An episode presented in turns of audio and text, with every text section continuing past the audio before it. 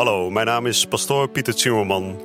En dit is Credo, de dagelijkse podcast van Radio Maria over de catechismus van de Katholieke Kerk. Samen dringen we elke dag een beetje dieper door in het prachtige plan van liefde dat God met elk van ons heeft. Laat je inspireren en ga met ons mee op deze avontuurlijke reis door het geloof.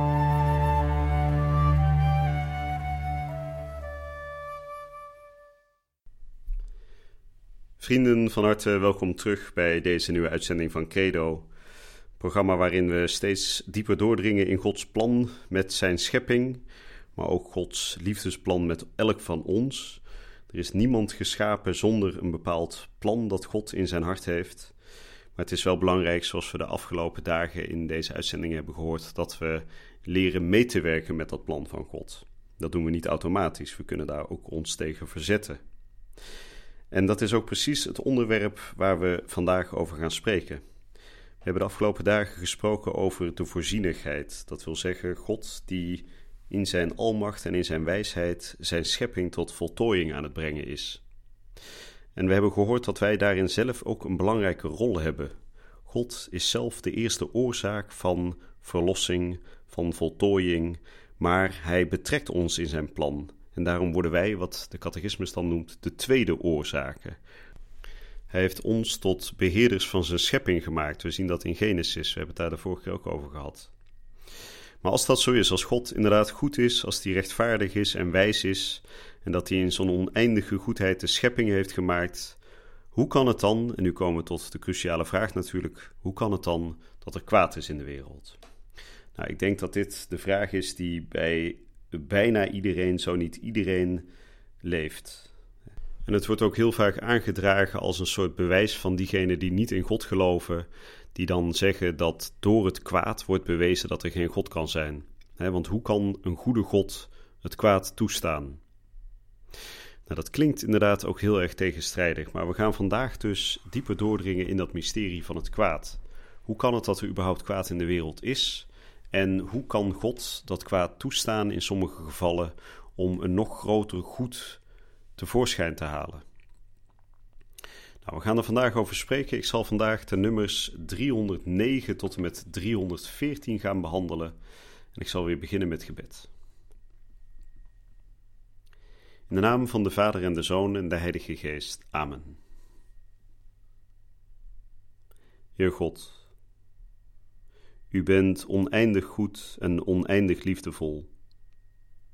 En in uw oneindige liefde hebt gij de wereld geschapen.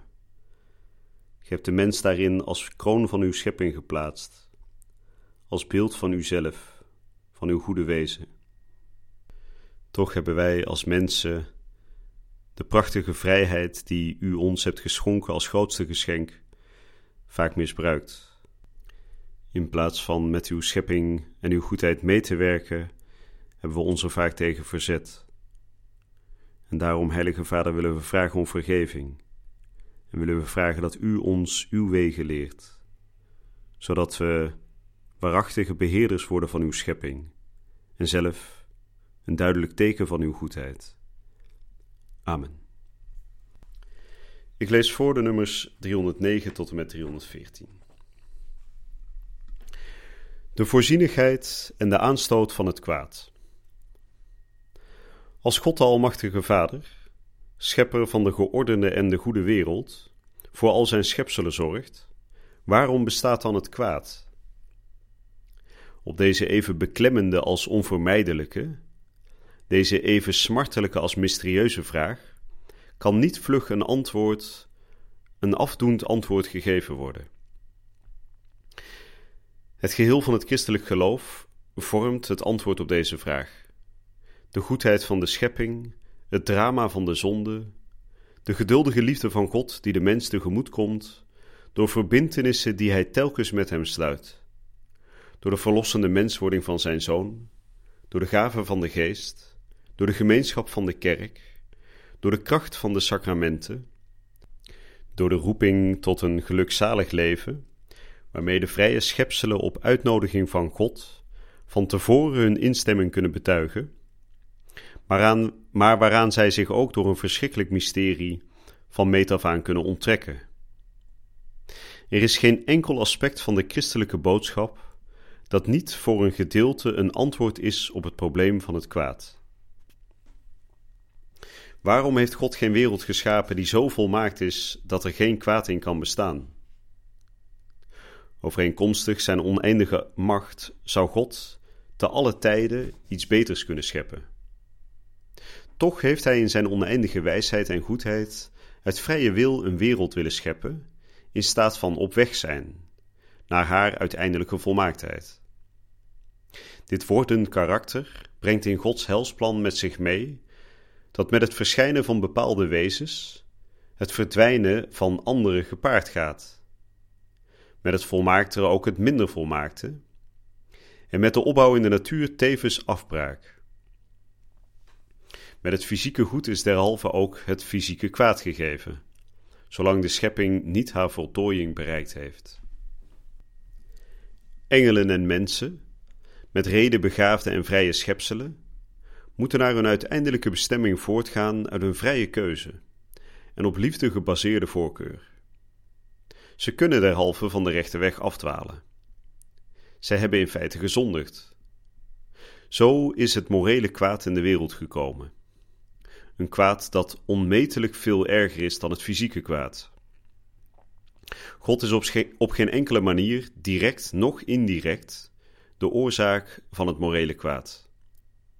Hij laat het wel toe, omdat hij de vrijheid van zijn schepsel respecteert en op mysterieuze wijze er het goede weet uit te halen.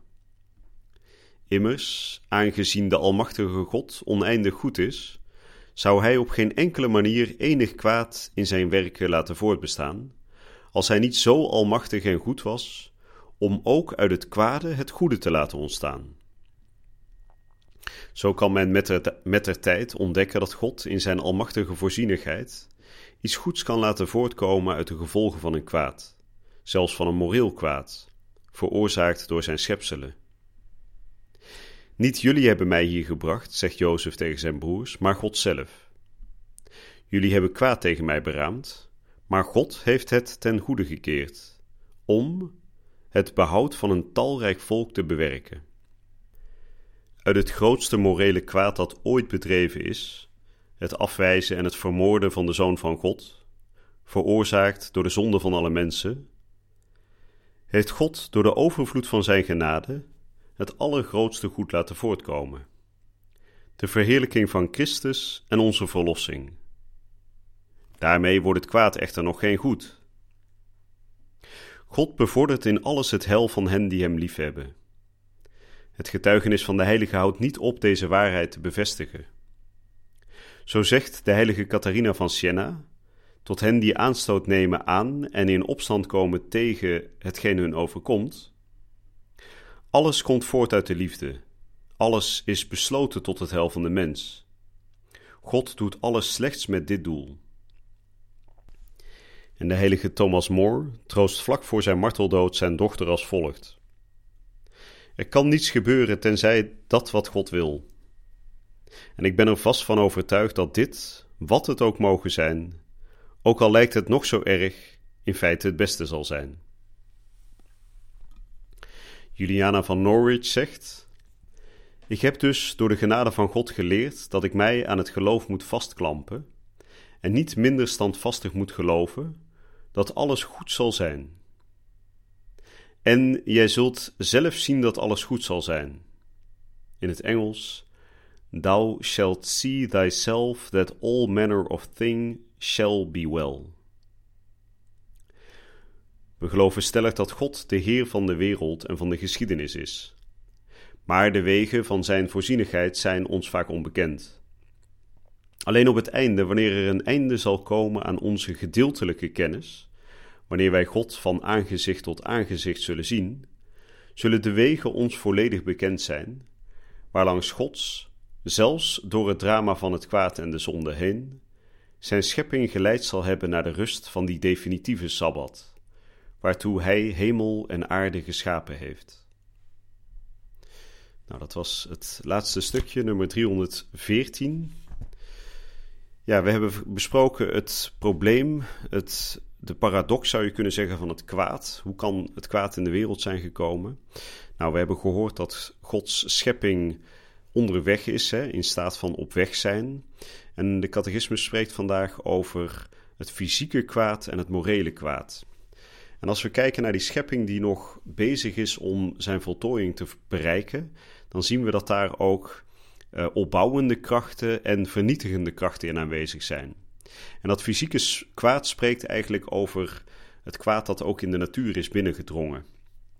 We zien dat bijvoorbeeld in een leeuw die een gazelle oppeuzelt. dat is geweld, dat is dood. Maar dat is niet door die leeuw als zodanig gewild. Die leeuw die volgt gewoon zijn instincten. Dus je kunt daar niet spreken van moreel kwaad, want die leeuw heeft geen geweten. Een ander voorbeeld van fysiek kwaad is een vulkaanuitbarsting. dat brengt dood, dat brengt vernietiging, maar is in zichzelf niet als zodanig bedoeld door die vulkaan. Dus het is niet een moreel kwaad. Het is deel van het fysieke kwaad van afbraak en opbouw die God in zijn schepping heeft gelegd, die tot het einde der tijden zullen voortduren, tot de schepping volledig hersteld zal zijn in God.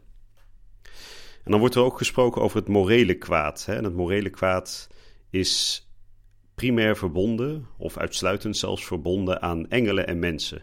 Dus alleen engelen en mensen zijn um, in staat tot moreel kwaad. Dat wil zeggen, ze hebben een vrije wil gekregen, ze hebben verstand gekregen. En met dat verstand en met die vrije wil kunnen ze zondigen. En dat noemen, ze dan, dat noemen we dan moreel kwaad.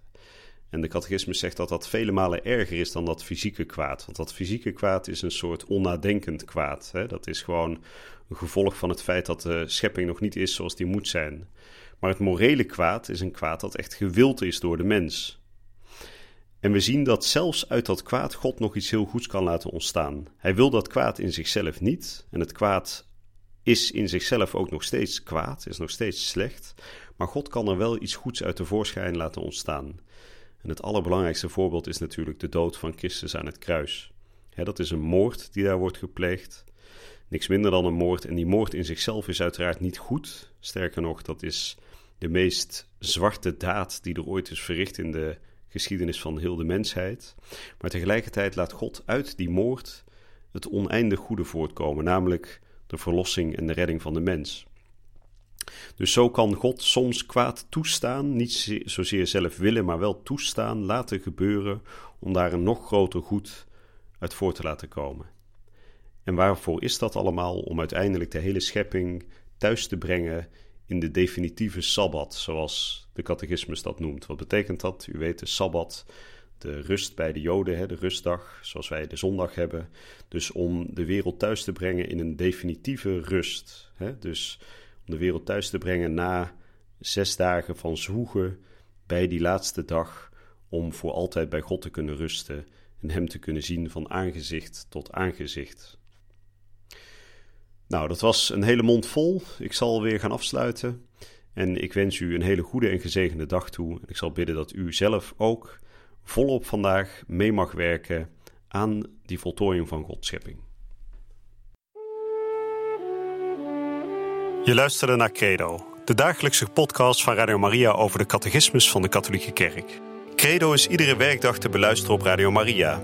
Maar je kunt de afleveringen ook in je eigen tempo terugluisteren op onze website, in de app of op Spotify en de andere platforms. Via de website radiomaria.nl vind je dagelijks de link om de bijbehorende teksten uit de catechismus mee of terug te lezen. We zijn erg dankbaar voor alle giften die wij mogen ontvangen. Daardoor kunnen we ons goede werk blijven doen. Draag je ook bij aan deze missie?